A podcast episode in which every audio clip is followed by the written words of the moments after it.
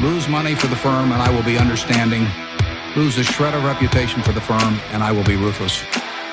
I welcome your questions.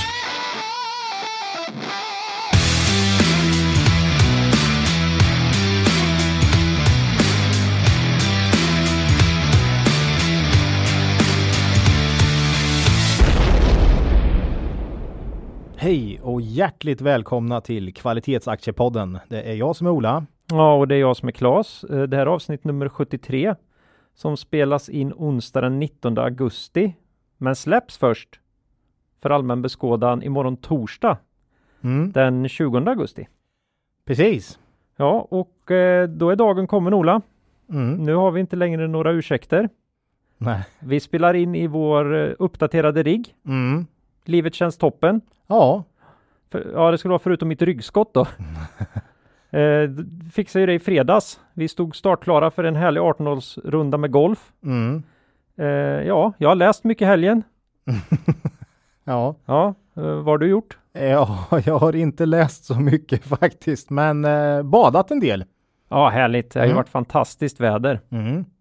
Verkligen. Det kom ju sent om sidor kom ju hettan. Det här var inte kul. Det var ju kanonfint för de som hade tidig semester Mm. och sen sådär tror jag många Den skulle säga. klassiska julisemestern var väl sådär. Fast jag gillar ju att det regnar en del för det har ju varit för bedrövligt ett antal somrar nu. Ja. Men nu har vi fått lite hetta igen. Ja, härligt, Eh, härligt. Hoppas folk gillar det. Ja, så att eh, ja, det är det som har hänt. Mm. Men det var inte det vi skulle prata om. Vi skulle prata om ljudet, Ola.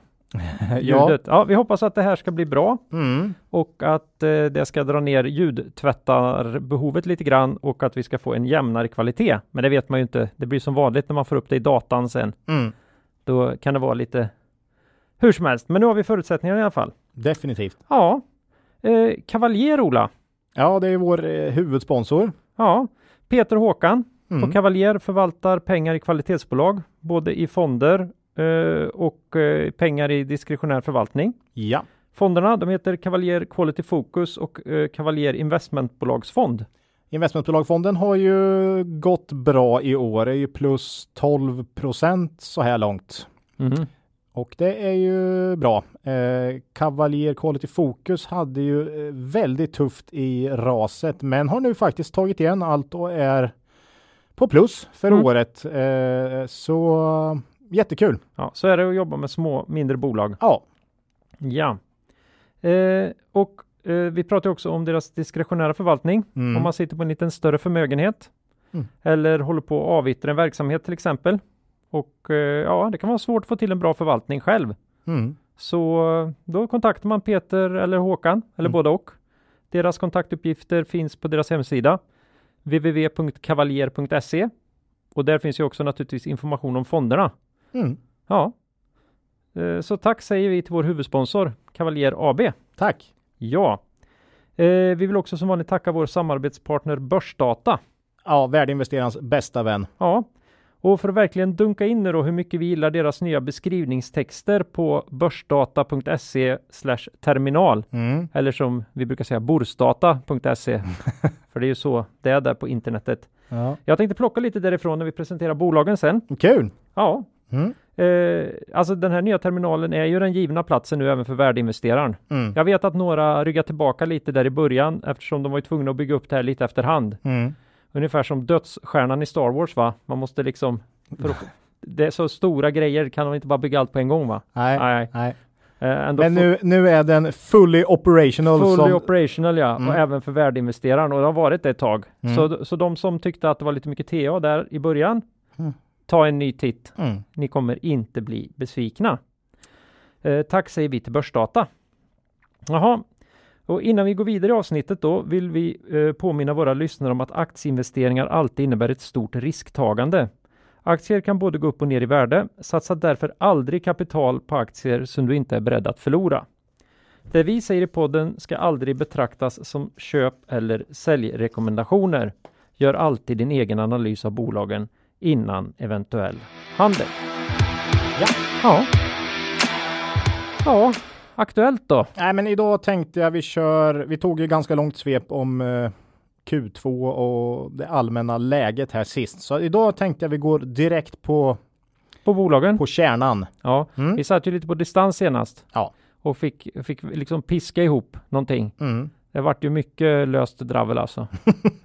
Idag tror jag det kan bli lite mer fokuserat och lite högre kvalitet här. Vi hoppas på det. Vi hoppas på det va? Mm. Ja, ja. Ja, Jag gjorde ju en väldig, väldiga konstiga utsvävningar där i, i Bilia bland annat.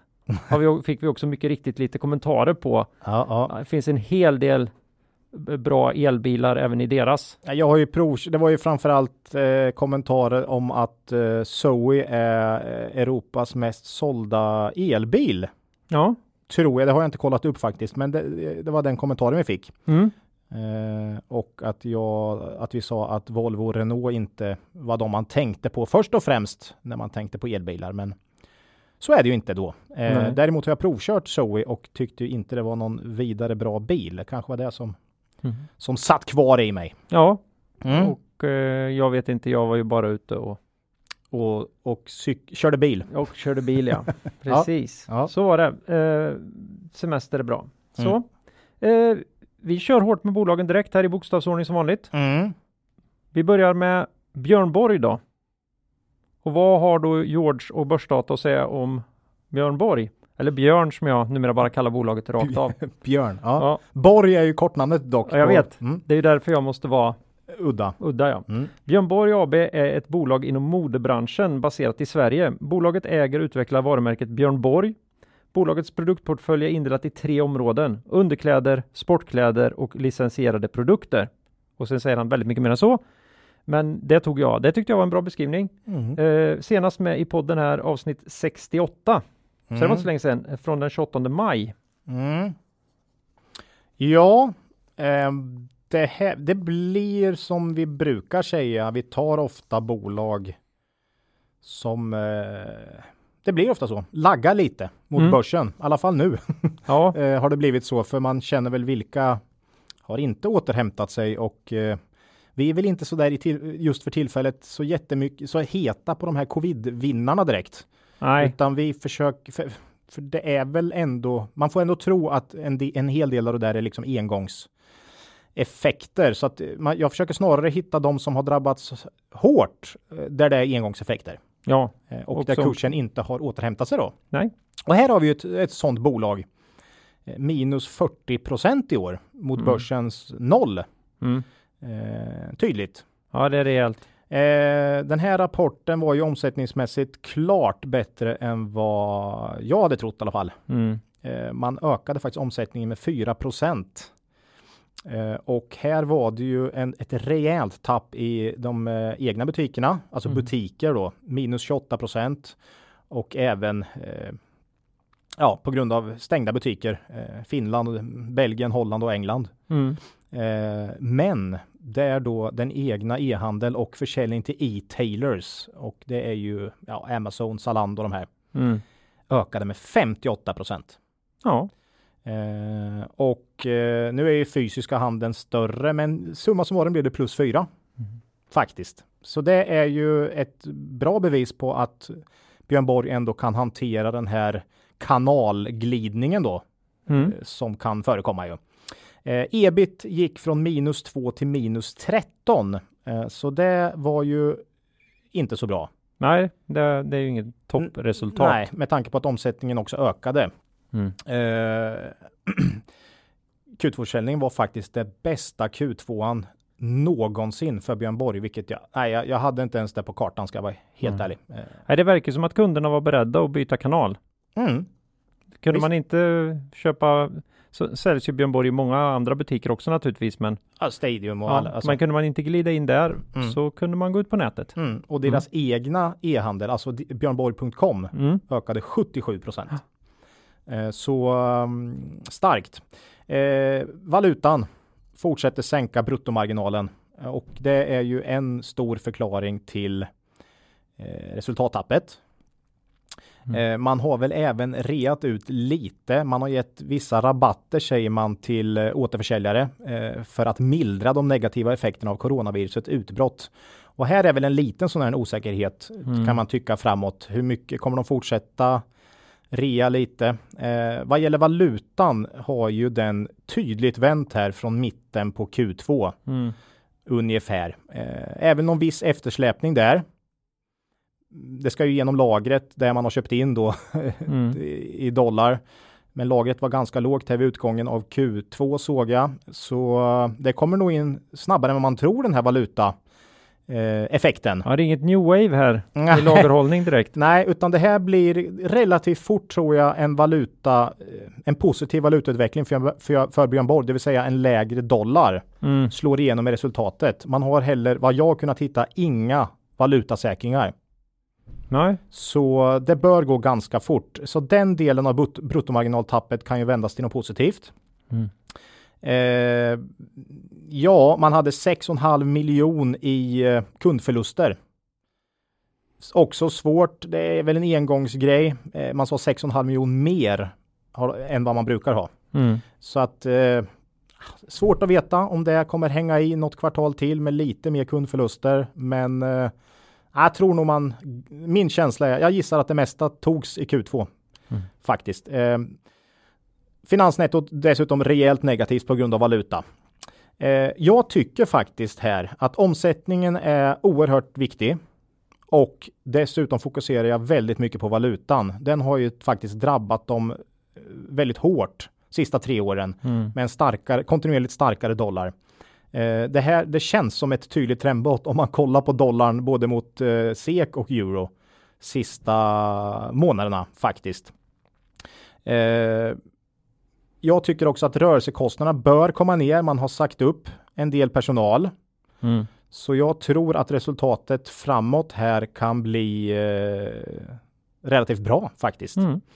Ehm, konkursrisken som jag faktiskt hade lite uppe här i våras när man var som mest osäker i, i mars, april här. Ja, Då var det ju faktiskt så att man visste inte riktigt vilka bolag som skulle klara det här. Den tycker nej jag, alla överlevde ju inte. nej, den tycker jag nu är i princip helt borta. Eh, Mm. Man har vettigt kassaflöde, balansräkningen ser vettig ut, man har fått sålt så pass mycket här. Eh, ja, ja, jag tycker den känns borta helt Mm. enkelt. Det är faktiskt inte omöjligt att man slår försäljningsrekord i år. Om jag eh, kollar på de två första kvartalen här och om det fortsätter trumma på bra. För nu ska ju butiker, alla butiker är ju öppna igen och, och sådär. Ja, eller ja, det är lite skakigt nu nere i Europa och Ja, men, de Men- är ändå öppna. ja, det är öppet just nu i alla fall. Ja, ehm, vi får se. Men jag tycker det här var en riktig styrke, styrkebevis eh, Mm. som eh, kanske, vad ska jag säga, doldes lite av eh, resultatet. Mm. Ehm, Man kan ju tänka sig att, att eh, det är ju svårt att veta hur, hur, hur mycket har man reat här så att säga. Ja, jag, jag tycker väl det är den största osäkerheten Mm. här. Eh, och kommer det fortsätta då? Mm. Eh, 6,5 miljoner kundförluster tycker jag ändå får sättas på, på engångs, eh, alltså mer än vad de brukar ha. Eh, Mm. lite, det är engångsgrej och dollarn tror jag har vänt, eller den har vänt. Sen får vi se hur det blir i framtiden. Men Mm. så, så två grejer där och plus lä lägre personalkostnader faktiskt. Ja, ja, Eh, man eh, ja, rensar upp ett hårt ord när det gäller människor, men man minskar Ja. på sin personal här för att Mm. eh, anpassa sig efter rådande omständigheter kan Ja. man säga. Och om man då kan hålla omsättningen på samma nivå Mm. så bör ju det ge ett bra resultat Mm. så småningom. Ja, definitivt. Eh, här tycker jag väl som vi har sagt förut att eh, varumärket eh, Björn Borg globalt borde vara med, vä- värt mer än 400 miljoner eh, kronor. Mm. Det är ju inte det är ju inte dyrt för Björn Borg hela verksamheten Nej, faktiskt. Eh, och även om resultatet i år kanske inte blir någon höjdare då med tanke på eh, våren här eh, så ser jag det liksom inte omöjligt att man nästa år utan covid och med hjälp av valutan kan landa på 60 miljoner kronor i, C- i ebit. mm. Eh, det skulle ge ett P under 10 och EV ebit 8 ungefär. Jag såg att Erik Penser hade 50 miljoner i sina förväntningar på 2021 så jag ligger lite högre där. Det får man nu ändå ge en brasklapp för där då. Mm. Balansräkningen har förbättrats under våren. Man ställde in utdelningen, vilket vi har pratat om i flera år. Ja, den Att, att, de bo, att de borde göra. Mm. Eh, det är liksom inte riktigt okej att ligga så på gränsen bara för att man ska eh, dela ut eh, en viss summa pengar varje år, tycker jag. Eh, utan man kanske skulle ha gjort det lite tidigare, helt enkelt. Eh, man har ju liksom onödiga långsiktiga lån i bolaget. Man det blir ju det här att man har egentligen lån, efter ett tag har man ju lånat för att dela ut till, Mm. till ägarna. Då tycker jag gott de kan låna själva faktiskt. Mm. Det gillar jag inte. Nej, jag, jag, de skulle inte ha delat ut mer än vinsten i alla Nej. fall. Eh, och dessutom tror jag att de skulle kunna investera lite vettigt också. Men Eh, deras långsiktiga mål är väl att, dela, att max dela ut hälften va? Jag vet faktiskt inte vad jag de tror har de det. har det. Okej. Det är därför det är så konstigt. Mm. Men de har ju inte hållit det i alla fall. Det, det är liksom, eh, de har inte mål att dela ut 120 procent av vinsten i alla fall. Det kan jag vara Nej. helt säker på. Eh, nej, men vi tycker som vi länge, det här är ju med i vår buy and hold förslag här Mm. för i år också. Och vi tycker som vanligt att Björn Borg eh, fortsätter överprestera i en riktigt tuff bransch Mm. eh, som dessutom har drabbats e- extra hårt här under våren av pandemin och så. Eh, vi ser bolaget som en uppköps, tänkbar uppköpskandidat på de här multiplarna och ja, nej, jag, jag, jag tycker aktien är alldeles för lågt värderad. Mm. Och vi har köpt in oss i Björn Borg. Eh, Mm. Vi har ju haft en liten insynspost här ända sedan eh, mm. dippen, men nu Nu, nu, klev vi, in på riktigt. nu har vi köpt in lite mer här Mm. eh, faktiskt. Och eh, nej, det känns för lågt. Kanske Mm. får hålla dem en bra bit eh, in och kanske över 2021 här. Eh, men eh, det är det värt. Jag, Mm. jag, jag tror att det, det här är i, i, framåt så kommer det vara en vettig investering. Det är det jag Ja, tror. Mm. Eh, det är väl inget? Nej. Eh, hålla grejer i några år, det får Inga man ju problem. räkna med. Det gör vi ofta. Ja. Eh, men ja, det är om Björn Borg. En positiv överraskning ja. i Q2. Nej, det var eh, rejält omsättning, omsättningsmässigt där. Ja. Ja, vi hoppar vidare Ja. till Ferronordic. Mm. Ferronordic Machines AB va? Ja. Mm. eh, Ett Sverigebaserat företag som bedriver försäljning och distribution av byggutrustning. De verkar nämligen som en auktoriserad återförsäljare av Volvo Construction Equipment Mm. i Ryssland Mm. och numera också lite grann i Tyskland. La, jag Lastbil. till där. Mm. På Lastbilar. lastbilar, lastbilar ja. Ja. Ja, man är ju återförsäljare även för Penta och sådär också. Mm. Eh, ja, just det. De distribuerar ju också eh, Volvo och Renault Trucks Mm. och Volvo Penta. Det står ju här varför. Mm. George har ju Ja, han har ju Koll. ja, ja. 27, eh, avsnitt eh, 67 från den 14 maj. Så det här är också ett sånt här bolag vi har. vi tog senast också. Ja. Det var ju extremt hårt drabbat här i raset. Mm. Inte verksamhetsmässigt kanske, eh, men kursmässigt var Ja. det ju rejäl slakt. Det var ett sånt där 50% ner bolag. Nu är det dock inom citationstecken bara minus 11 Ja, hämtat lite. sen årsskiftet. Eh, Hämtat igen. Man ökade faktiskt både omsättning och resultat i Q2. Det var ju också något jag inte trodde på i april. Det, det kan jag eh, villigt erkänna. Eh, justerat för Tyskland har dock omsättningen minskat. För man, för man, Tyskland kom in här vid årsskiftet. Mm. Så justerat för det hade det minskat. Men resultatet hade faktiskt blivit ännu bättre då. För Tyskland genererar ju bara förluster än så länge. Så att, eh, starkt resultat. Mm. Oerhört starkt. Marknaden i Ryssland mätt i enheter minskade med 40 procent i Q2. Alltså hela marknaden Mm. på grund av pandemin. Ferronordic ökade dock sin försäljning. Mätt i antal enheter med 6% Det är ju otroligt starkt alltså.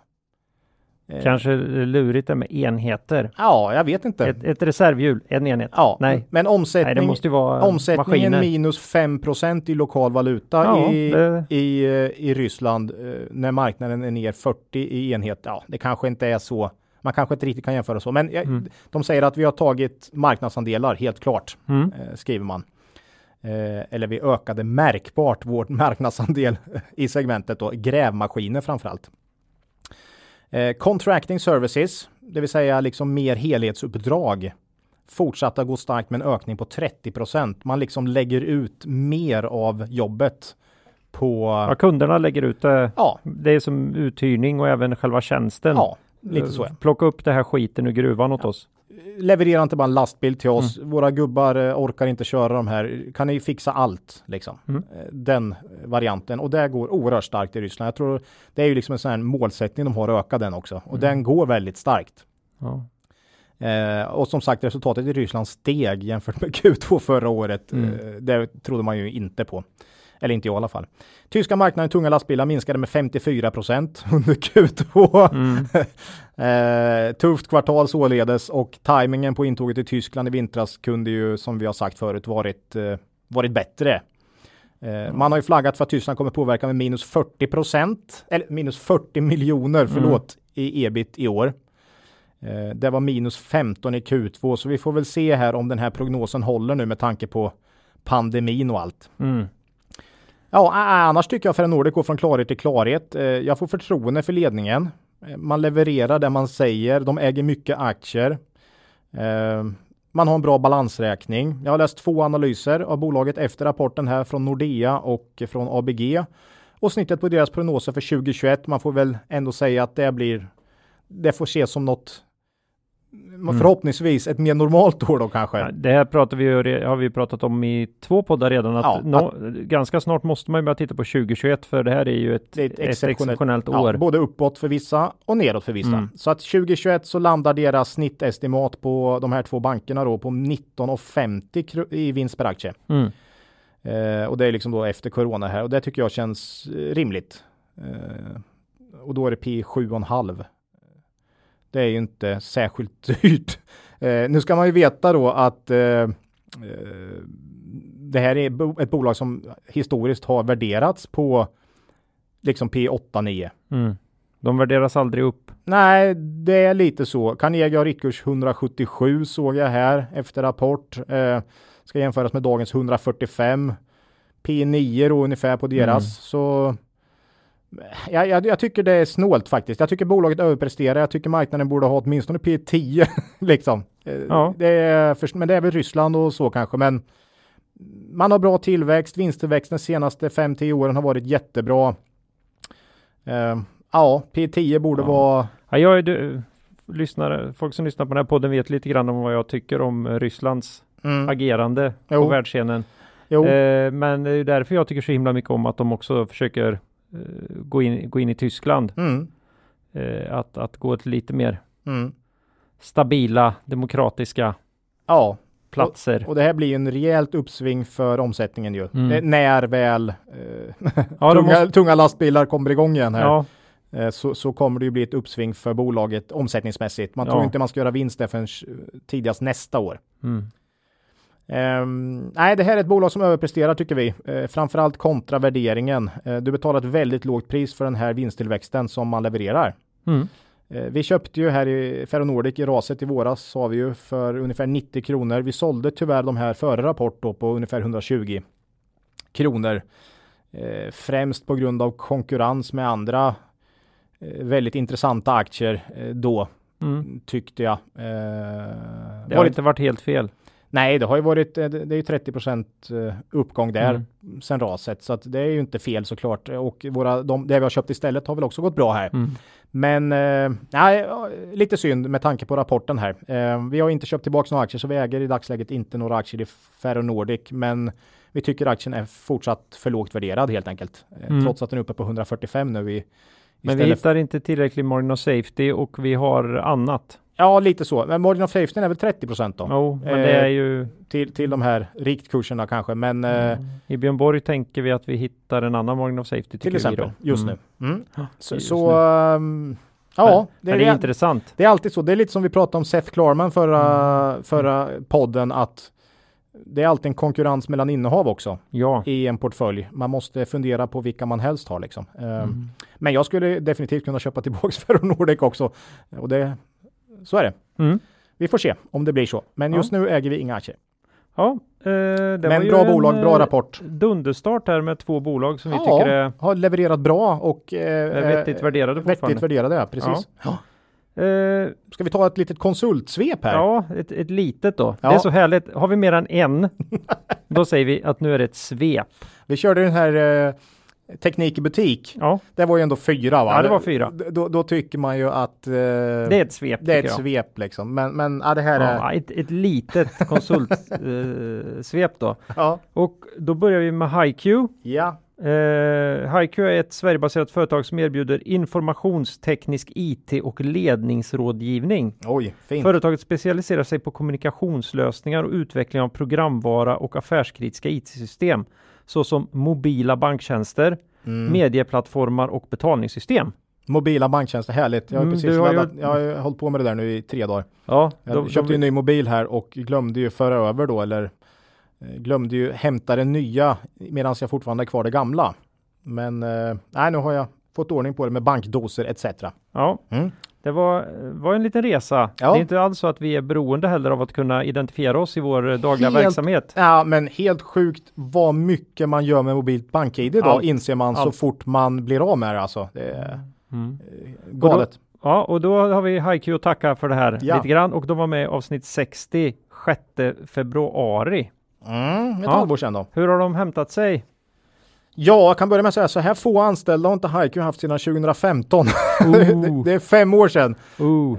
Så eh, här har man dragit i, i nödbromsen. ja, det här är något annat än BTS du. Ja, nej men det här är ju ett bolag som eh, historiskt har levererat den bästa lönsamheten eh, bland eh, IT-konsulterna. Mm. Och det är väl kanske just eftersom att man är väldigt försiktig med kostnader.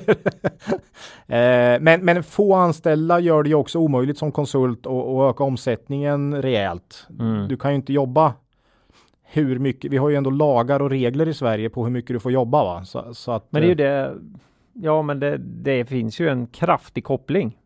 Ja, här finns det definitivt en, en och, och kraftig över koppling. är det ju så. Anställda kontra miljoner. Det är liksom Mm. hur mycket miljoner kan du dra in på en anställd? Eh, antalet anställda nästan 10% färre nu då än för ett år sedan. Mm. Omsättningen minus 8, ja, går i paritet med, med det då. Mm. Ebit minus 12, justerat för den här engångsintäkten man hade förra året när man sålde eh, kontorslokaler i Finland. Man är grymma tycker jag i Haiku på att generera kassaflöde och jag tror det är därför många gillar den här aktien och vi tog ju även med den här i våran buy and hold i år. Mm. Eh, och eh, det har inte varit så dumt än. Den är plus 4% i år. Så helt okej. Eh, VD Lars Stugemo här då pratar om eh, en accelererad digitalisering och att det gynnar dem. Eh, man säger god efterfrågan inom offentlig sektor, e-handel, det är Mm. lätt att förstå, och telekom. Fordons och tillverkningsindustrin bromsar. Mm. Ungefär så. Det var väl eh, som väntat då kan man säga. Eh, man har en väldigt bred palett av kunder här, vilket gör att eh, liksom det parerar ganska bra eh, för olika. När någon bransch eller kundgrupp har det lite tuffare så kan andra eh, leverera. Mm. Man har det faktiskt eh, totalt säger man också att man har påverkats. Resultatet påverkas endast marginellt av stödåtgärder.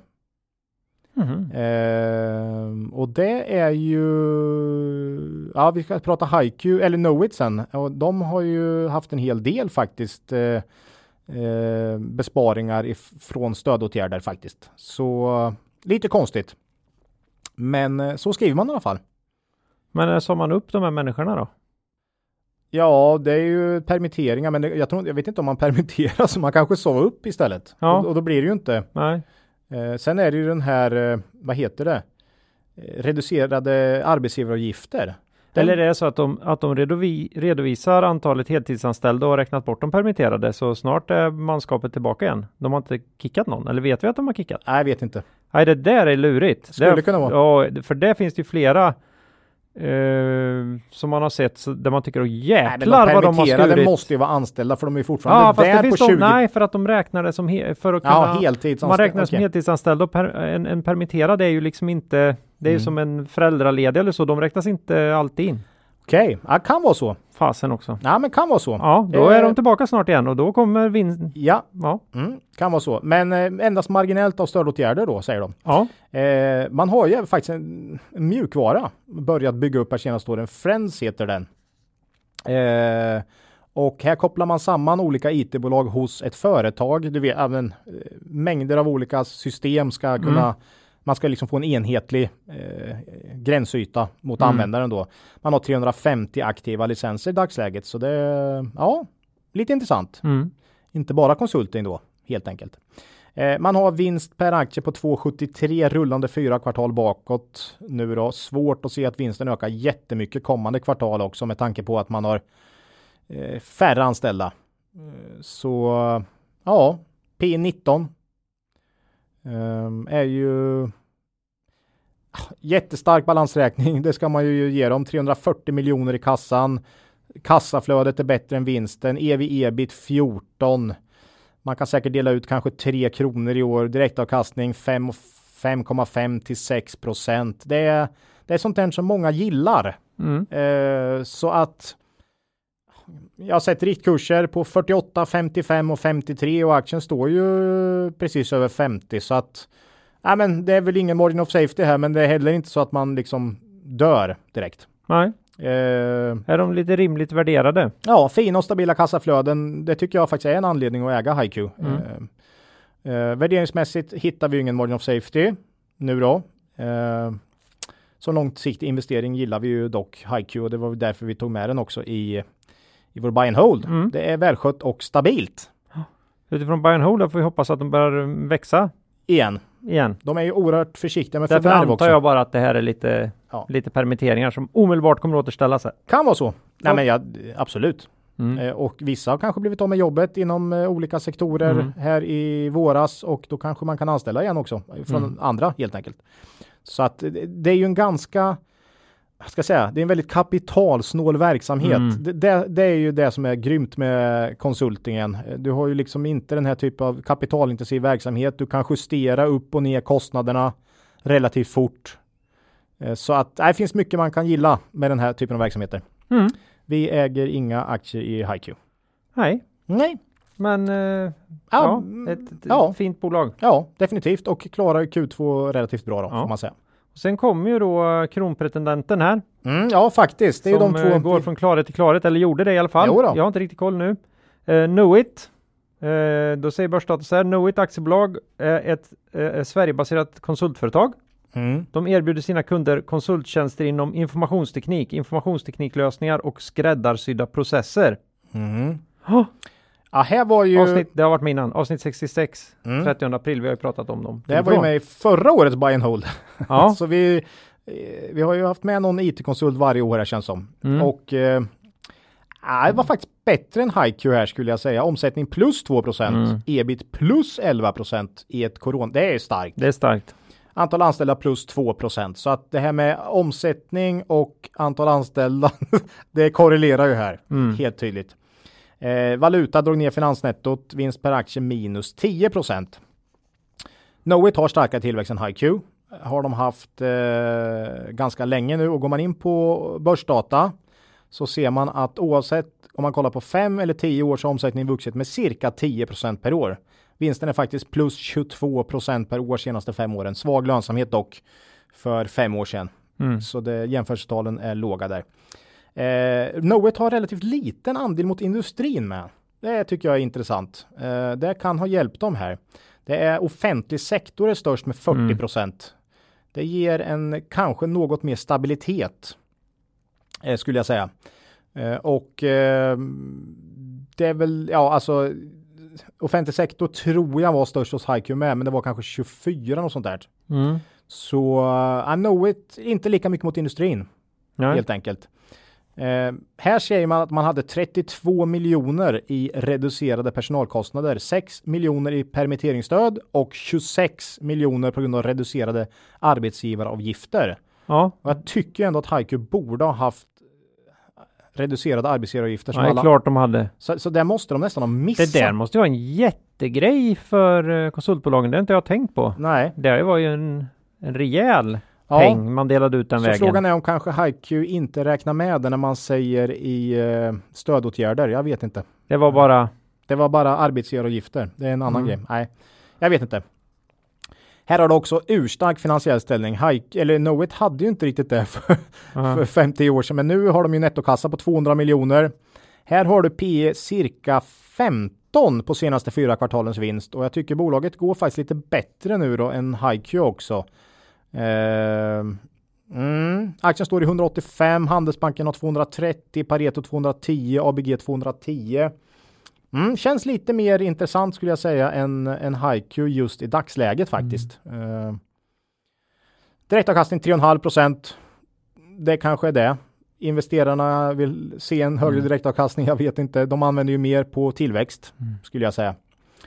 Uh, och 3,5 procent i direktavkastning, det är ju då på det förslag som man sen drog tillbaks. Ja, i åras. Det är ju så man mm. får säga i år här. Vad har de för direktavkastning? Nej, noll. Nej, men så är det ju inte, utan man har ju en direktavkastning, men man får ju se det eh, efter corona så att säga, eller justerat för corona på något sätt. Mm. Mm. Jag tror inte så många kommer hålla in utdelningen nästa år, om jag ska vara helt ärlig. Man blir ju mer eller mindre tvingad här i Sverige faktiskt. Ja, det har varit ganska tydligt. Mm. Han ska ju ha, vad ja, de har menat på, vad är det de hade skrivit, att bolagen skulle ha ja, någon form av problem ju. Mm. Och om man kan dela ut pengar då har man inga problem. Så, så enkelt har man ju ja. försökt uttrycka det då. Får se om det håller i rätten och någon tar det dit. Mm. Nej, men jag gillar Knowit. Jag tycker det känns eh, ja, hyggligt. Ja, men lite intressant faktiskt på de här nivåerna, men inte, inte så mycket så att vi äger aktier här. Men eh, eh, jag tycker det går från klarhet till klarhet här senaste fem åren och kan nog vara en bra långsiktig investering och det var väl därför vi tog med det i förra årets buy and hold då. Mm. Eh, bra bolag helt enkelt och eh, ingen chockerande värdering. Nej, helt enkelt. Så lite det, rimligt. Knowit är minus 11 procent i år, så den har gått sämre än HiQ också. Mm. Eh, faktiskt. Så ja. Aktien ja. Aktien, precis. Det, det är inte som samma sak som, som verksamheten. Det, Nej, det, det ska gudarna veta. Ska vi ta den igen? Nej, Nej. det behöver vi inte. Nej, jag tror vi kommer tillbaka till det här säkert i citatet här lite grann. Ja. ja. Det var Knowit. Ja, trevligt med konsulterna. Mm. Eh, Ska vi gå på ett av bolagen som ligger bakom veckans eh, titel på, ja. på avsnittet? Cash is King tänker du på? Mm. Ja. Ja. Eh, då tog jag faktiskt hela, i stort sett hela beskrivningen från eh, Börsdata här för Oj. att man ska få lite matigare, mm, nu ska vi höra. matigare beskrivning. beskrivning här. Jag hoppade dock de, eh, alla dotterbolag och sånt som räknas upp eh, i slutet här. Eh, Okej, okay. Loomis AB är ett Sverigebaserat holdingbolag som levererar en rad lösningar för kontanthantering, främst åt finansinstitut, återförsäljare, an, eh, andra kommersiella företag och offentlig sektor. Bland dess tjänster ingår cash in transit-tjänster som omfattar kontanttransporter som i huvudsak används av banker och affärsverksamheter. Tjänsterna utförs med fordon som transporterar kontanter till och från återförsäljare, banker, deponeringsfack och uttagsautomater samt äkthet och kvalitetskontroll av sedlar och mynt. Mm. Och jag tänkte jag hoppar lite grann här och så kan jag säga att de har ett nätverk av 400 filialer, filialer i ett flertal länder och då tar vi inklusive länder som Argentina, Österrike, Tjeckien, Danmark, Finland, Frankrike, Norge, Portugal, Slovenien, Slovakien, Spanien, Schweiz, Turkiet, oh, Storbritannien och USA. Mm. Och det här bolaget är ju på väg mer eller mindre att gå i putten eftersom kontanthanteringen i Sverige minskar. Är det inte så Ola? ja, jag känner det. Uh, ja, jag, jag tycker jag ser det i värderingen i alla fall. Kollar man på kursutvecklingen i år så har du ju definitivt rätt. För aktien är minus 50 procent i år och, och börsen är ju på noll nu. Va? Så Pengar att, är så ute Ola. Eh, det här är lite av veckans case. Mm. Eh, I och med att vi har döpt det också till Cash is King här. Mm. Eh, det, det, här är ju ett sånt här typiskt värdecase. Eh, som lite, vad ska jag säga, det är, det är vårat signum. Mm. Ja, alltså värde, den kör, de kör runt på pengar helt enkelt. nej, nej, nej, nej, inte det, inte, det, inte det, inte det, nej. Nej, nej så, så, att det här är ju oerhört intressant och dessutom har du ju den, de här ständiga frågorna om value trap och eh, Ja, vad får du för din värdering och eh, har marknaden rätt och ja, men allt det här som alltid en värdeinvesterare brottas med. Mm. Så jag, jag tycker det är oerhört intressant faktiskt. Ja. Eh, aktien i alla fall ner 50% Loomis tappade 19% av intäkterna i Q2. Och eh, många av deras marknader var ju faktiskt nedstängda där. Man är ju stora i eh, ja, USA är ju stort, Frankrike, Spanien och, och så, alltså de är ju UK. Mm. Eh, och jag tycker nog att minus 19 det var nog, det var nog också faktiskt bättre än vad jag hade trott med tanke på det. Skulle jag säga. Ebita gick från 600 miljoner till 200 miljoner, så det var ju en ganska rejäl nedgång. Man skriver den pågående coronapandemin har som helhet en betydande negativ påverkan på intäkterna och rörelseresultatet under kvartalet. Väsentliga avvikelser mot andra kvartalet 2019 är relaterade till pandemin. Mm. Så man säger att i övrigt har det inte varit utan pandemin är det som ligger bakom här. Eh, man måste ju. Det, alltså den enda springande punkten i det här caset tycker jag är frågan om kontanters vara eller icke vara. hade man inte haft den, då hade det här varit, då hade aktien stått minst 50 högre. Mm. Så att det är den, det är den man måste diskutera här, Mm. tycker jag. Eh, och har pandemin påskyndat det här? Eh, kommer är pengar smutsigt? Det är, jag såg att Loomis hade fått gå ut och skicka ut forskarrapporter och sådär för att folk var, var rädda för pengar då. Ja. För, för smittan då, då. Helt enkelt. Jo, men det var ju i början var det ju allting smittade ju. Mm. Det var ju alla handtag och allting. Det var ju det farligaste liksom. Ja. Det är säkert fortfarande de som tycker det för att så funkar det säkert i labbmiljö någonstans. Mm. Nej, men för Loomis har en oerhört fin historik som bolag och man är väldigt lågt värderat. Så den enda, the flow här är ju kontant. Mm. Kontant, det är ju så. Det är, det är, det är, det är den du måste bearbeta. Jag gick in på Riksbankens hemsida faktiskt. Mm. Lite oberoende, eller? Ja, Man säger så här på Riksbanken. Nu ska jag faktiskt läsa. du kan nog hämta fakta där i Ja, alla nu fall. ska Det jag faktiskt läsa det här. I Sverige har mängden kontanter i omlopp halverats sedan 2007. Mm. Den utvecklingen är unik för Sverige, även om Norge också ligger på en låg nivå. I de flesta andra länder ökar tvärtom mängden kontanter. Ett enkelt sätt att jämföra kontantmängden i olika länder är, ett, är att sätta den i relation till ekonomins storlek, BNP. I Sverige och Norge har kvoten kontanter BNP fallit och är nu väsentligt lägre än i andra länder. Mm. Sedan januari 2018 har kontantmängden dock ökat något i Sverige. Vilket, är vilket förmodligen främst beror på att hushåll börjat ta ut kontanter igen efter att sedel och myntutbytet avslutats. Ja, man bytte Mm. sedlar där och sånt ja. Sett över längre tid så ser vi att mängden sedlar och mynt som cirkulerar i samhället minskar. Sen skriver man om andra länder. I många andra länder har kontantmängden i relation till BNP istället stigit sedan finanskrisen 2008-2009 eftersom efterfrågan på kontanter ökar snabbare än ekonomins tillväxt. Det är inte så bara att den ökar med, Med ekonomin, med, med utan ekonomin utan ännu fortare. det är konstigt. Det kan ha att göra med en önskan att flytta en del av sparandet ifrån banksystemet i tider då det upplevs som osäkert. I vissa fall kan det röra sig om sparande eller om man använder kontanterna utanför landet som ge- ger ut valutan. Vissa valutor som till exempel Ja, ja. dollar och euro anses ofta som säkra placeringar runt om i världen. Att mängden kontanter i dessa valutor ökar snabbare än ländernas BNP kan alltså ha många olika orsaker. Ja, men det märker man ju alla krishärdar, eh, liksom de här eh, länderna i Sydamerika, Venezuela och Libanon och de här liksom. Det är ju det, du måste ju ha dollar annars är det ju torsk. Ja. Ja, du kanske kan handla med euro, eh, euro med, men.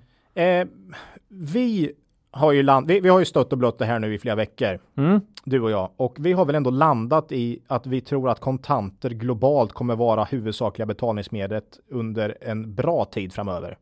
Ja, Det, det är ju det vi har landat i, även om man kan på sikt se att det skulle kunna försvinna, alltså om 20-30 år, eller? Eller tror du alltid? jag, jag vill inte se så länge. Jag säger att inte inom tio år i alla fall och då tycker jag fortfarande det är ganska intressant att titta på Loomis. Ja, för, eh, dagens värdering bygger ju ungefär på, kan de hålla de här kassaflödena i tio år så har du ju he- hemma hela, alltså sen kan ju vara noll liksom. Ja. Eh, Där, där känner jag mig hyggligt trygg. Och man tänker många gillar ju inte banksystemet som vi läste här liksom. Och är rädda för det. Guld och sånt kör ju Loomis också. Alltså ska man ha något fysiskt kanske? Alltså, nej, det, Ja. det är en jävla intressant fråga. Jag tror dock att i många länder ökar ju fortfarande kontantmängden. Att det då ska försvinna på några år, det känns helt orimligt tycker jag. Ja, den är, den är svår att få ihop. Jag, jag vet inte om du har med den, men jag tittar ju till våran gamla favorit Strongpoint här. Nej, har jag inte med. Ja, Eh, det norska bolaget ja. som har Cashcard och Ja, de här eh, har ju varit med i cash- podden, varit med i podden en hel del. Vi har ägt det till och från, men det har liksom aldrig fått den här utvecklingen. Vi har tyckt också så här. Nej, hanterar ju, ja, Cashguard, mycket valutahantering, gör, gör bland annat de här väskorna till Loomis. Ja, de gör sådana väskor. Ja, de har ju värderats upp något alldeles vansinnigt Ja, här har P40, efter, P40 här nu såg ja, jag. efter Eh, raset. Men det kanske inte är på vinsten framåt då. Kanske Nej. P25, men ändå. Det är inte P10 här i alla fall. Ja, och så att det är ju inte alla som håller på med kontanter. Nu, nu har de ju sålt en del eh, så här eh, hyllkantsetiketter åt Pricer och sådär, men Ja, och de har andra grejer också. de har andra grejer med, men det är deras Det är huvudsakliga, det är det är deras huvudsakliga verksamhet. Det är ingen Mm. tvekan liksom. Mm. Så att, eh, ja, Mm. det, man tror inte så här överallt riktigt. Nej, eh, nej, men vi tror ju att det kommer vara det huvudsakliga betalningsmedlet under lång tid framöver. Vi tycker dessutom att Lonis har bra möjlighet att ta marknadsandelar, Ja, ja. både organiskt, det vill säga folk lägger ut det här på Loomis för att det kanske är en mindre del så småningom. Eh, men man kan också, man gör ju förvärv hela tiden. Alltså mindre sådana här aktörer har Mm. inte skalmöjligheten jämfört med Loomis och då säljer man istället verksamheten. Så att jag tror ju att även om pengarna inte skulle öka i samhället, an, andelen pengar eh, och till och med minska, så tror jag fortfarande Loomis kan öka sin omsättning under många år framöver.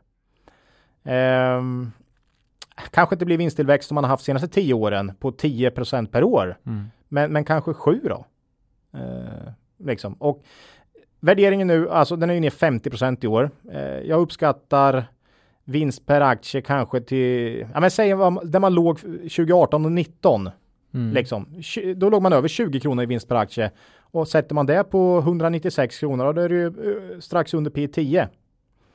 Eh, och Loomis har historiskt värderats till P15 ungefär, 15-16. Så ehm, ja, alla analytiker jag har sett, sex analytiker har satt riktkurser här efter Q2. Det landar på ett snitt på 276 kronor. Det är ju 40% upp från dagens nivå, så det är inte bara vi som tycker att eh, dagens kurs är låg, helt Mm. enkelt. Eh, vi, eh, balansräkningen okej. Eh, faktiskt. Direktavkastningen på den numera tillbakadragna utdelningen från i våras över 5 Mm. Vi har köpt in Loomis här nu på runt 200 kronor. Tycker att marknaden är för negativ här och eh, avser hålla tills marknaden tänker något annat eller tills vi får Andra besked Svart från bolaget. på vitt att det här är ett value, så kallat value trap. Men eh, vi tror inte det, Mm. utan vi tror att det här kommer fortsätta. Jag får lite Oriflame-vibbar här också. Det här med eh, brända jordens och det här vi har snackat om. De, marknad på marknad var liksom uttömd och lite Pandora och det här va. Mm. Men, men eh, nej, det här är en oerhört stabil business så länge kontanter finns i samhället och vi tror att det kommer finnas under lång tid framöver. Mm. Och som sagt, det Definitivt. ökar fortfarande i stora delar i världen så att det skulle försvinna på några år, det ser jag som helt orimligt. Mm. Eh, vi har köpt in Loomis. Ja, det har vi. Eh, det var länge sedan, mycket länge sedan jag ägde Loomis. Nog tio år sedan om jag kommer ihåg rätt. Eh, Mm. Men så är det. Ja. Mm. Jag tänker att de kanske kan satsa på så här eh, värde, värdebilar från Tesla. Ska vi skicka in det som ett tips? Ja, Du kan, du kan få åka på det års, ja och deras säga, nästa årsmöte och Ja. så ställa dig upp. jo, det, den, den är säkert jättebra. Den, den kan du få. ja. Jag tror att det skulle kunna hjälpa värderingen här. Eh, nej, men annars får man börja köra guld istället. Ja. Eller, något annat. Mm. Fram och tillbaka bara. Fram och tillbaka. Fram och tillbaka. Mm. Ja, nej, det ska bli jättekul. Ni Mycket kommer föra mer om Loomis. Ja. Eh, se om vi drattar på ändan här. Ja. Men bara- eh, ett typiskt värdecase. Ja, Mm. ser onekligen ut så. Mm. Mm. Eh, VBG, Ola. Sist ut idag. Mm. Eh, och här blev jag så deppig över att eh, George inte hade med Wernersborgs stolthet i själva beskrivningen. Så jag kör så här bara. VBG Group är ett svenskt företag som verkar inom fordons och kraftöverföringsbranscherna. Senast med i den här podden avsnitt 62, 5 mars. Mm. Har pratat mycket VBG men inte ägt så mycket VBG. Nej, minus 16 procent i år, aktien alltså. Mm. Eh, så ja, ännu ett bolag som eh, inte har gått som börsen. Med i våran buy and hold. Mm. Här var det ju ett rejält covid-tapp. Eh, om vi tycker att de andra aktierna vi har tagit upp i, i, i, i den här podden idag Mm. inte har tappat så mycket som jag trott. Så här var det ju. Minus 32 procent på omsättning. Nej, men fordonsindustrin har ju tagit stryk här, det vet vi ju. Mm. Ebit gick från 123 miljoner till 38 Mm. Och då har man erhållit stöd på 34. Så... eh, Jo då, så att. Ja, Mm. nej det var, det, var, det var ett tufft kvartal. Och kollar man på de här tre divisionerna så har man tappat omsättning och vinst i alla. Mm. Eh, dock Mobile Climate Control var den division som tappade mest i vinst. Ja, det är lite synd för det var ju här man brandade som den nya affärsområden som skulle vara mest okänsligt för svängningar. Och det var lite det jag hoppats på. Mm. Eh, Men man, de, de tillverkar fortfarande prylar som ska sitta i fordon. ja, bussar och sånt. Man, ja. man, man säger så här. När det gäller Mobile Climate Control så har divisionens kraftiga tillväxt de senaste åren skett på bekostnad av lägre marginaler.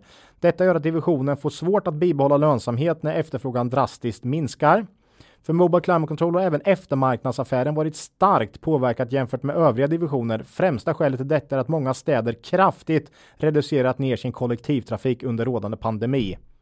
Ja, det var lite det jag tänkte säga. Alltså, du kan ju inte utvärdera det här mot, mot, alltså det är en global pandemi. Man stänger ju inte ner kollektivtrafiken i lågkonjunktur, Nej, men nu gjorde man det. Mm. Så, så, så att eh, det är ju något och man annat. här. slutade tillverka fordon också. Ja, det är väl också Mm. en viss. Ja. Eh, så att det finns ju förklaringar här helt enkelt. Eh, man har Mm. börjat med en strategisk och strukturell översyn av Mobile Climate Controls eh, verksamhet eh, ändå. Jaha, Mm. Eh, initialt har vi även fattat beslut att avveckla Mobile Climate Controls verksamhet i Brasilien. VBG Group finns etablerade i Brasilien genom övriga divisioner så koncernen kommer fortsätta ha närvaro på, på den brasilianska marknaden. Men så, så det är någonting man inte gillar här helt enkelt som inte har gått som man har väntat sig. men det kan ju vara så att det gått bra men man har ändå tyckt att det är en, är inte den här lite fet den här katten någonstans. Och nu har man då chansen. Mm. ja. Och Brasilien som land är ju lite skakigt kan vi ju tänka på också här. Mm. Eh, Och det kanske mer har att göra med det här, de lägre marginalerna här som har eh, som det har blivit i Mobile Climate Control senaste åren här. Mm. Eh, när jag läser den här kvartalsrapporten så verkar bolaget väldigt osäkert på kommande kvartal. Eh, Och man säger eh, lite som vi har pratat om i podden här att ökade försäljningsintäkter under tredje kvartalet kommer inte självklart leda till ett bättre resultat än andra kvartalet om statliga stöd uteblir. Så det var ju det vi har pratat om Mm. lite i podden. Det är, det är inte säkert att det blir så. Ja, och de har varit värda mycket för dem de här eh, Mm. lösningarna, de här permitteringslösningarna. Ja. Och, och när bolaget är så osäkert då vill inte jag heller sitta här och, och, och gissa någon vinst och sådär. Det, det känns förmätet eh, Mm. att tro att jag ska vara bättre än, än bolagsledningen här. Men man kan också säga så här som vi har sagt nu om, i många bolag att eh, före eller pre-corona kan vi ta i det här fallet gjorde man en vinst på 12 kronor per aktie. Mm. Så kommer man tillbaks dit och ställer det i relation till dagens 133 kronor så är det P 11. Så det är ju inte dyrt. Eh, är det ju inte. Nej. Eh, man har en väldigt stabil balansräkning och en fin historik. Jag tycker aktien bör värderas högre än dagens kurs, men det kanske inte sker i brårasket med tanke på nuvarande osäkerhet då Mm. och att man inte riktigt vet hur hösten blir här. Som långsiktigt case tycker jag VBG känns intakt. Men eh, svårt att säga hur det blir i höst här. Det är det ju faktiskt om det mesta. Ja, men här mer än Mer- annars. ja. Och det är ju mycket den här kopplingen. Inte nog med kopplingen, starka kopplingen till fordon. Också eh, där stä- städernas ekonomi som Ja. de är helt beroende av då. Mm. Jag, jag förstod i Climate Control säkert är ju mycket bussar, eller hur? Ja, och, och bussar. ambulanser och Mm. du vet allt sånt där. Militära, ja. militära fordon. Ja, militären Mm. kanske inte, Mm, de kommer nog inte behöva dra åt svångremmen sådär jättemycket. Nej. Men nej, kollektivtrafiken, eh, det är klart det påverkar dem här. Det är double whoopie, eller vad jag brukar säga, Mm. i, i fränare Mm. ekonomipoddar än våran. Så mm. Mm. ja, lite svårt eh, lä- Ja. läge för närvarande i VBG. Eh, Men det, det är ju också men på sikt tror jag det kan vara bra ingångsnivåer definitivt. Jag äger ju aktier här i min pensionsspar ska jag Mm. säga, men eh, vi har ju inga, inget, inget större Mm. innehav här. Det här kan ju ge ett briljant läge här fram i, i, Ja. i vår eller vid Mm. den här tiden nästa år Eller kanske. så går inte aktien, den står kvar här bara. Det är svårt att säga. Ja, och, men du kanske har helt andra framtidsutsikter. Utsikter. Om, mm. Exakt. Den kanske till och med kan gå ner här. Ja. Det kan bli deppigt. Mm. Ja. Eh, det om eh, VBG. Ja. Vi tycker Vänersborg kan fortsätta vara stolta. ja, definitivt. Definitivt. Ja, vad skönt. Mm. Bra. Mm. Det var alla bolagen Ola. Ja, Bra. Då eh, går vi vidare till eh, lyssnarfrågan. oj. Och det var en väldigt, väldigt lång fråga. Ja, Så den har eh, vi förkortat ner. Det var en fråga och ett antal påståenden och sen en fråga på det. mm. Men det var bra. Och det är ju det här att vi säger att vi eh, till och från hamnar i likvider. Mm. Att vi har mycket likvider, särskilt då innan raset här hade, pratade vi och beklagade oss hela tiden att vi hittade ingenting att köpa. Mm. Och då frågar man ju här då indirekt skulle jag säga, ja, borde ni inte åtminstone lägga de här pengarna i en index, i en indexföljande fond till exempel eller Mm. något annat indexföljande som eh, går snabbt att omsätta. Som går upp med 8% per år i, i snitt då Ja. över jättelång tid.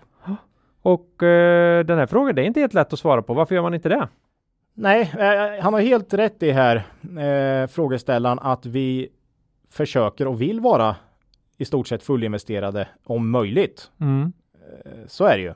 Eh, Med positiv avkastning så förlorar man ju pengar eh, om man inte är fullinvesterad. Mm. Eh, Så är det ju. Eh, Dock har ju vi faktiskt en något kortare horisont. Eh, Vi, vi är ju inte tioåriga i våra investeringar eh, i företaget här. Nej, vi omsätter ju lite betydligt snabbare än så. Ja, eh, grunden är dock att vi vill kunna räkna på det vi köper. Det skulle jag säga är den absoluta grunden. Vi håller hellre likvida medel än att köpa något som vi inte tycker vi kan uppskatta värdet på. Eller, hur, eller har en idé om vad värdet kommer vara en bit fram i tiden. Ja, och en indexfond. Ja, dessutom kan man säga så här, om vi inte hittar mer än fem bolag på Stockholmsbörsen som vi tycker har vettig margin of safety och, och, och liksom ser positivt på bolaget framöver. Vad är sannolikheten då att OMX S30 ska vara, att vi ska kunna räkna hem det? Om vi nu skulle kunna Mm. räkna på OMS S30. Ja, det finns ju en stor risk här, eh, alltså en korrelationsrisk att vi vill nog gärna tro då, lite förmätet, att vi sitter på ganska mycket pengar i lägen då börsen normalt inte ska få ytterligare skjuts uppåt om man säger så. Ja, det, det gjorde vi inte i den här tjurrusningen i februari här till exempel, Mm. innan raset här. Eh, då hade vi ju, då var det fel. Mm. Men, men, men samtidigt, vi kan inte räkna på OMX S30 på ett års Nej. sikt. Eh, men vi kan räkna på bolag. Ja, Och- fast vi vet ju att den går upp 8 över tid. ja, men det är på Mm. 20 års Ja. i, i snitt. Eh, och det är alldeles för lång tidshorisont för oss mm. i, i bolaget. För annars så skulle vi ha buy and hold bara och sen sitta och Mm. eh, det går, då blir det ingen lön Ola. Nej, och då skulle jag hellre köpa BTS Mm. Eh, om, om det är så att man säger att ja, men på 10-20 års sikt i snitt så går det ju upp 8, ja då skulle jag hellre ha BTS än att köpa index eller, Mm. eller något annat bolag som jag tycker har jättebra långsiktiga förutsättningar. Men om jag inte tycker det är köpvärt på ett års sikt, det, vill, säga jag tycker aktien är övervärderad Mm. för tillfället, då vill jag inte äga det nu. Nej. Eh, och då vill jag inte äga OMX S30 heller. Helt enkelt. Mm. Eh, och dessutom är det mycket svårare att räkna på hela börsen än vad det är på ett enskilt bolag då. Eh, sen vill vi inte låsa upp kapitalet. Man skulle kunna tänka att man eh, låste upp det i någon ränte eh, fond ja. eller något sånt där. Men man, vi vill kunna använda de likvida medel vi har. Nu har just nu har vi väl kanske 15% likvida medel eller, Mm. eller något sånt. Eh, det vill vi kunna använda direkt på morgonen. Vi vill inte låsa upp det i någon indexfond eller eller vad, vad säger jag, i, i, Mm. eh, räntefond eller och jag så. inser nu att eh, när vi har ju föreläst lite till och från om våran strategi och sådär och Mm. en grej vi säger då just när vi pratar om det här vad som kan vara bra med Mm. att ha likviditet, att de, bränn, de, de är ju jävligt irriterande. mm, det är de. Du vill ju inte ha dem där. Nej. Så de driver ju på det själva grundarbetet, analysarbetet och Mm. jobbet med att lägga de här extra timmarna och hitta något. Hartman Nytt. här i, i Ja. vintras till exempel då. För det är Eh, jävligt irriterande. Så skulle man hålla på att lägga undan det så finns det ju en risk att de inte känns lika oproduktiva. Nej. Eh, känns ju som en dåres försvarstal där, men det där är lite på riktigt. För det, det vi verkligen tjänar pengar på är ju att hitta lågt värderade, ofta tillväxtbolag i vårat fall då, eller Mm. eh, lite värdecase. Mm. Eh, så. så. Så den är inte oviktig, att, att de ska inte vara där. Nej. Eh, Så, så, så nej, jag, jag tycker eh, jag, jag tycker den känns för mig känns det solklart. Grunden tycker jag att jag vill kunna räkna på det jag köper och Mm. känna att det är undervärderat på något års sikt. Liksom. Eh, det är Mm. grunden här. Och jag vill nog tillägga att någonstans så känner jag att i de lägena vi faktiskt sitter på ganska mycket pengar så är det sista jag skulle köpa är Index. index. Nej, för alltså, har man så svårt att Mm. hitta enskilda bolag på i Norden då, man bara skrapar Mm. ihop en handfull, vad är det som säger då att, att man, man, man skulle uppfatta att index är köpvärt? Ja, det är ju nå- någonting som är någon börs. Nej, då, då har man ju börspsykologi där. räknat kraftigt fel. Det kan man ju i och för sig göra. Mm. Ja. Men så, ja, tänker men vi. eh, det var en väldigt bra fråga. Mycket bra fråga. eh, men därav ja. hamnar vi med likvida medel från tid till annan. Mm. Eh, och vi har nästan alltid minst 5% skulle jag säga och det är väl för att man ska kunna använda de här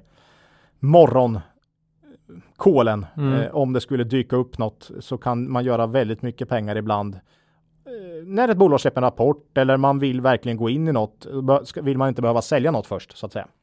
Mm. Ja. Nej, den är också, också lite så. Mm. Eh, och då, Och då, vi lånar in, det har vi sagt. Nej, vi, fick lånar en fråga, aldrig. ni skulle kunna få en väldigt billig kredit. Mm. Ja, men vi, ska, inte- vi vill inte ha någon kredit. Det, det, det är en ren princip. Det är vi ju beredda att förlora procent på, Ja. att, i, att inte ha kredit. Det är en principsak för oss. Vi lånar vi ska aldrig. inte vän, vänja oss vid det så att säga. Nej. Nej. Så där. Ja, eh, svår, bra fråga. Jag tycker eh, Ja. den var svår, svår att besvara eh, på ett enkelt och konsistent sätt. Mm. Men vi gjorde ett försök i alla fall. Mm. Ja. Eh, citatet då? Mm. Nu blir det en riktig rackarökare, långt citat här. Mm. Och det här är ytterligare ett citat då från boken Mar- Margin of Safety av uh, Seth Klarman. Jag såg du var ute på Twitter här. Du kunde Ja. inte bärga dig riktigt utan Ja. du, du la ut det här på Twitter innan här. Ja. För, för att Mm. eh, göra lyssnarna lite sugna på morgondagens Ja. avsnitt. Vi gjorde ju en bokrecension där, kanske världens sämsta boktips. Vi sa, den, jag har läst den här boken. Den, kan kostar inte- 10 000, 10 och 10 köpa 000 kronor att köpa. på Amazon. Eh, men, Men, eh, det här är Mm. behållningen. Och så lovade vi faktiskt att det kanske kommer ytterligare något citat. och det gör det Och det gör det redan idag. Och det här är ju det då som jag det är ju inte ett riktigt citat, men jag, jag, det här är ett litet stycke nästan. Får man säga. Ja, det, här är ju, då. det, här är ju det här är ju nästan som en av Ja, eh, hur- Churchills entimmes monolog. Nej då, Mm. det, det, men det är några meningar här. Ja, eh, hur ska man hantera det faktum att det är väldigt svårt att spå framtiden Mm. Shoot. som värdeinvesterare då? Och då säger eh, Seth så här. How, to, how do value investors deal with the analytical necessity to predict the unpredictable? The only answer is conservatism. Since all projections are subject to error, optimistic ones tend to place investors on a precarious limb. Mm. Ja, precarious osäker då. Mm. Virtually everything must go right or uh, losses may be sustained. Conservative forecasts can be more easily met or even exceeded. Investors are well advised to make only conservative pre- projections and then invest only at a substantial discount from the valuations derived therefrom. Spot on. Det här är... Det här är ju våran filosofi. Ja, det här är... Det här är oerhört nära e- en av de här grundpelarna vi jobbar efter. ja. Och om man hittar en bra margin of safety med relativt försiktiga prognoser, prognoser så ska det ju mycket till för att man över tid ska förlora pengar tycker jag. Och det kan man definitivt göra i enskilda fall. Men därför inte som en Nej. summering i en Av- portfölj av, den här typen av case. med och, 8-9 bolag. nej, och över tid Nej. dessutom. Eh, Så att det här är oerhört Margin of safety med relativt försiktiga prognoser. Mm. Då ska det mycket till att man ska förlora pengar. Ja, hängslen och livrem. Ja, det, det, det, spot on. Det här är, det För här det är så näst- lätt att göra sig fantastiska bilder av framtiden. Mm, det här är nästan upp på väggen citat eh, tycker ja. jag. Jag är Så- lite där. Vi har ju i stort sett bara Buffett och Lynch på väggen nu. Mm, Jag ja, tror här- nog att Seth får... Ja, Oj, oj. Vi har verkligen svängt från att uh, verkligen varit helt ute. det, var jag som, det var jag som gissade på att han kunde vara eh, massmördare. Nej, ja, nu är det liksom vår nya guru då. Ja, ja, ja. det är så Nej, jäkla nej. bra. Vi, det var ju i andemeningen att det, är det det så är det någon som kan väldigt, väldigt mycket om värdeinvestering uppenbarligen. Och det Ja. är, har det visat sig vara. Ja. Nej, spot on. Det Ja. här gillar jag mycket Claes, det här citatet. Mm. Eh, bra fiskat. Ja, nej, Mm. det finns så mycket i det. det. Och det är ju inte riktigt där heller med, med att fokusera på risk heller, utan det här, var försiktig Mm. Jag, jag tycker faktiskt ganska många gissningar. räknar eh, och se, liksom räknar fram ändå ett, en margin of safety, men att man gör väldigt positiva uppskattningar om framtiden. Eh, Ja. Det, där känner jag att många ligger faktiskt. Mm. Eh, Men där försöker vi verkligen, det, man, man, har fel ibland ändå, Ja, ja. men då har du dessutom, du har ju margin of safety också så att Och vi använder ju också börsdata för att få guidning i mm, historiken eller våra egna, ja. våra egna Excel Ja, underlag. nej, så att eh, Mm. oerhört bra. Ja, Tack för det. ja, den tackar vi verkligen för. Det var, det var den. Mm. Och eh, då är vi inne på upploppet här verkligen för ännu Mm. en podd. Mm. Eh, 73 stycken Ola. Det går undan. Ja. I, eh, Nah, vi, vi, vi kommer ju bara varannan vecka här. Så. jo, men jag tycker ändå det är helt galet. Ja. Det känns inte som, det är roligt fortfarande så det känns inte som man hållit på så länge. Nej. Eh, nästa avsnitt, Mm. lite rapporter. Mm. Eh, Ett nytt bolag kanske? Ja, det ska jag försöka fixa fram till nästa gång. Kan det till och med bli ett sånt här Mr. Diss? Förhoppningsvis blir Bolag? det så. Ja. Eller om du har hittat något annat intressant Mm. som du håller på att slå runt. Ja. Eh, ja, ni kan mejla oss på kontaktet kvalitetsaktiepodden.se om ni vill komma i kontakt med oss eller kommentera på Twitter. Mm. Och sen har vi vår hemsida kvalitetsaktiepodden.se också. Mm. Eh, där får man ju gärna gå in, eh, gå in och gå in under fliken stötta oss Ja.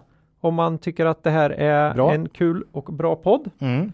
Jaha, slutligen Dola, något riktigt makro eller TA värt att ta upp idag? Nej, men idag tycker jag faktiskt ändå jag har hittat eh, årets bästa summering av Q2 faktiskt. Du har verkligen hittat en riktig makro. En riktig makro.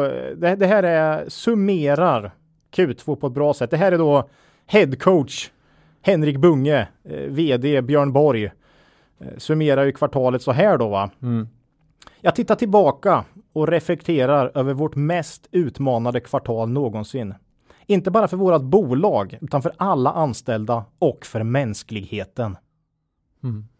Nu kör vi! Nej, han avslutar ju alltid sitt... sitt Head coach. Head coach Henrik Bunge. Ja, Eh, nej men jag, när jag läser det här, alltså det börjar ju väldigt, ja det är som vanligt. Eh, och sen så vill han då på något sätt dra lite om, det har inte bara varit svårt för oss här, Nej. utan de har det jobbigt privat också i sitt vanliga liv, de anställda. ja, och dessutom det jobbiga, det mest utmanande kvartalet någonsin för mänskligheten uppfattar jag det här som. och då kan man ju lätt tänka på digerdöden då. Ja, och, eller mer nutida spanska sjukan. Ja, eller eh, skyttegravarna, första världskriget Kriget. och sådär va. Eh, det är ganska magstarkt att Han trycka måste, han måste vara sån jäkla feeling. det har ju varit pissjobbigt och är ju ganska Ja, ja, jobbigt ja, alltså. visst har det varit, men, men, men att Ja, uh, Eller Winnerbäck, så kanske- Winnerbäck-konserten är inställd här alltså. Det blir inget. Det blir inget till helgen. ja, det är jobbigt. Nej, vi får sitta hemma och lyssna på Winnerbäck. Du fattar. Ja, eller så är det så att jag tittar tillbaka och reflekterar över vårt mest utmanande kvartal. Det kan vara så att han pratar om mänskligheten under Björn Borgs Du menar att det varit svårt att få tag i kalsonger? Nej, men sen Björn Borg drog igång sin verksamhet här, jag vet inte. Men, men eh, nej, att det har varit tufft för mänskligheten, det, det är han helt på det klara med här. Alltså, Ja. det eh, oerhört eh, roligt. Börsen verkar inte ändå ta till sig så mycket av det. Nej, nej, nej. Eh, Så, utan där, där, där ångar det ju på då. Mm, mm. Nej, sen vet man inte. Han kan ha uh, varit, det finns ju. Ah, Jag tror han fick feeling. Jag tror det var som han du fick sa, han feeling. fick feeling. Han fick Men feeling. det är också så att många har tappat nära och kära, förlorat Ja, folk och så. precis, Eh, precis. vi har så ganska eh, Men höga så- dödstal i Sverige, men det ändå var- liksom. Men man sopar ju bort herregud. 30 procent av alla människor i Europa under pesten till exempel och sådär va. Så att det var ju också tufft va. Det var tufft. Det var, tufft. Det var jättejobbigt. det var jobbigt var det. Nej, mänskligheten. Ja. Nej, det måste varit. Ja, Nej, vi släpper det. nej, Vi det var, tycker den han- var helt vi fantastisk. han Nej, vi, vi, ett, vi hade eh, väldigt svårt att släppa den när vi igår morse verkligen ville sitta och läsa in oss inför handeln. Det återvände ständigt. Till den. Ja, Ja, nej, det visar bara hur tufft det har varit här i Q2. Ja, det har varit, det har varit jättetufft. Har Ja, det varit. ja. Verkligen.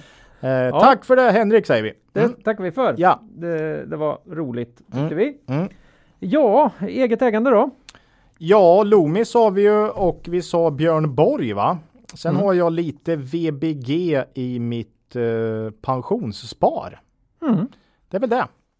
Ja, det fick, eh, det fick räcka så. Mm. Eh, nu blir jag, jag blir så förvånad varför man inte har Ferronordic någonstans, men det har jag faktiskt inte. Nej, Det är, det är sant. ja lite synd nästan. Det var ju dåligt. Mm. Det var dåligt, Mm. men så är det. Ja. Ja, Ferronordic känns intressant, helt klart. ja Mm. definitivt.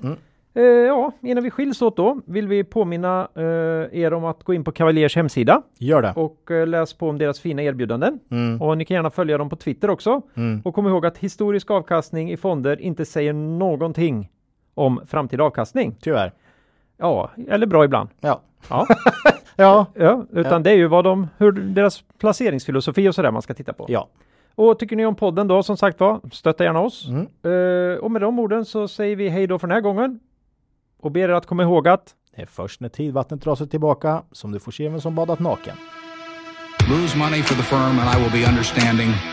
Lose a shred of reputation for the firm and I will be ruthless. I welcome your questions.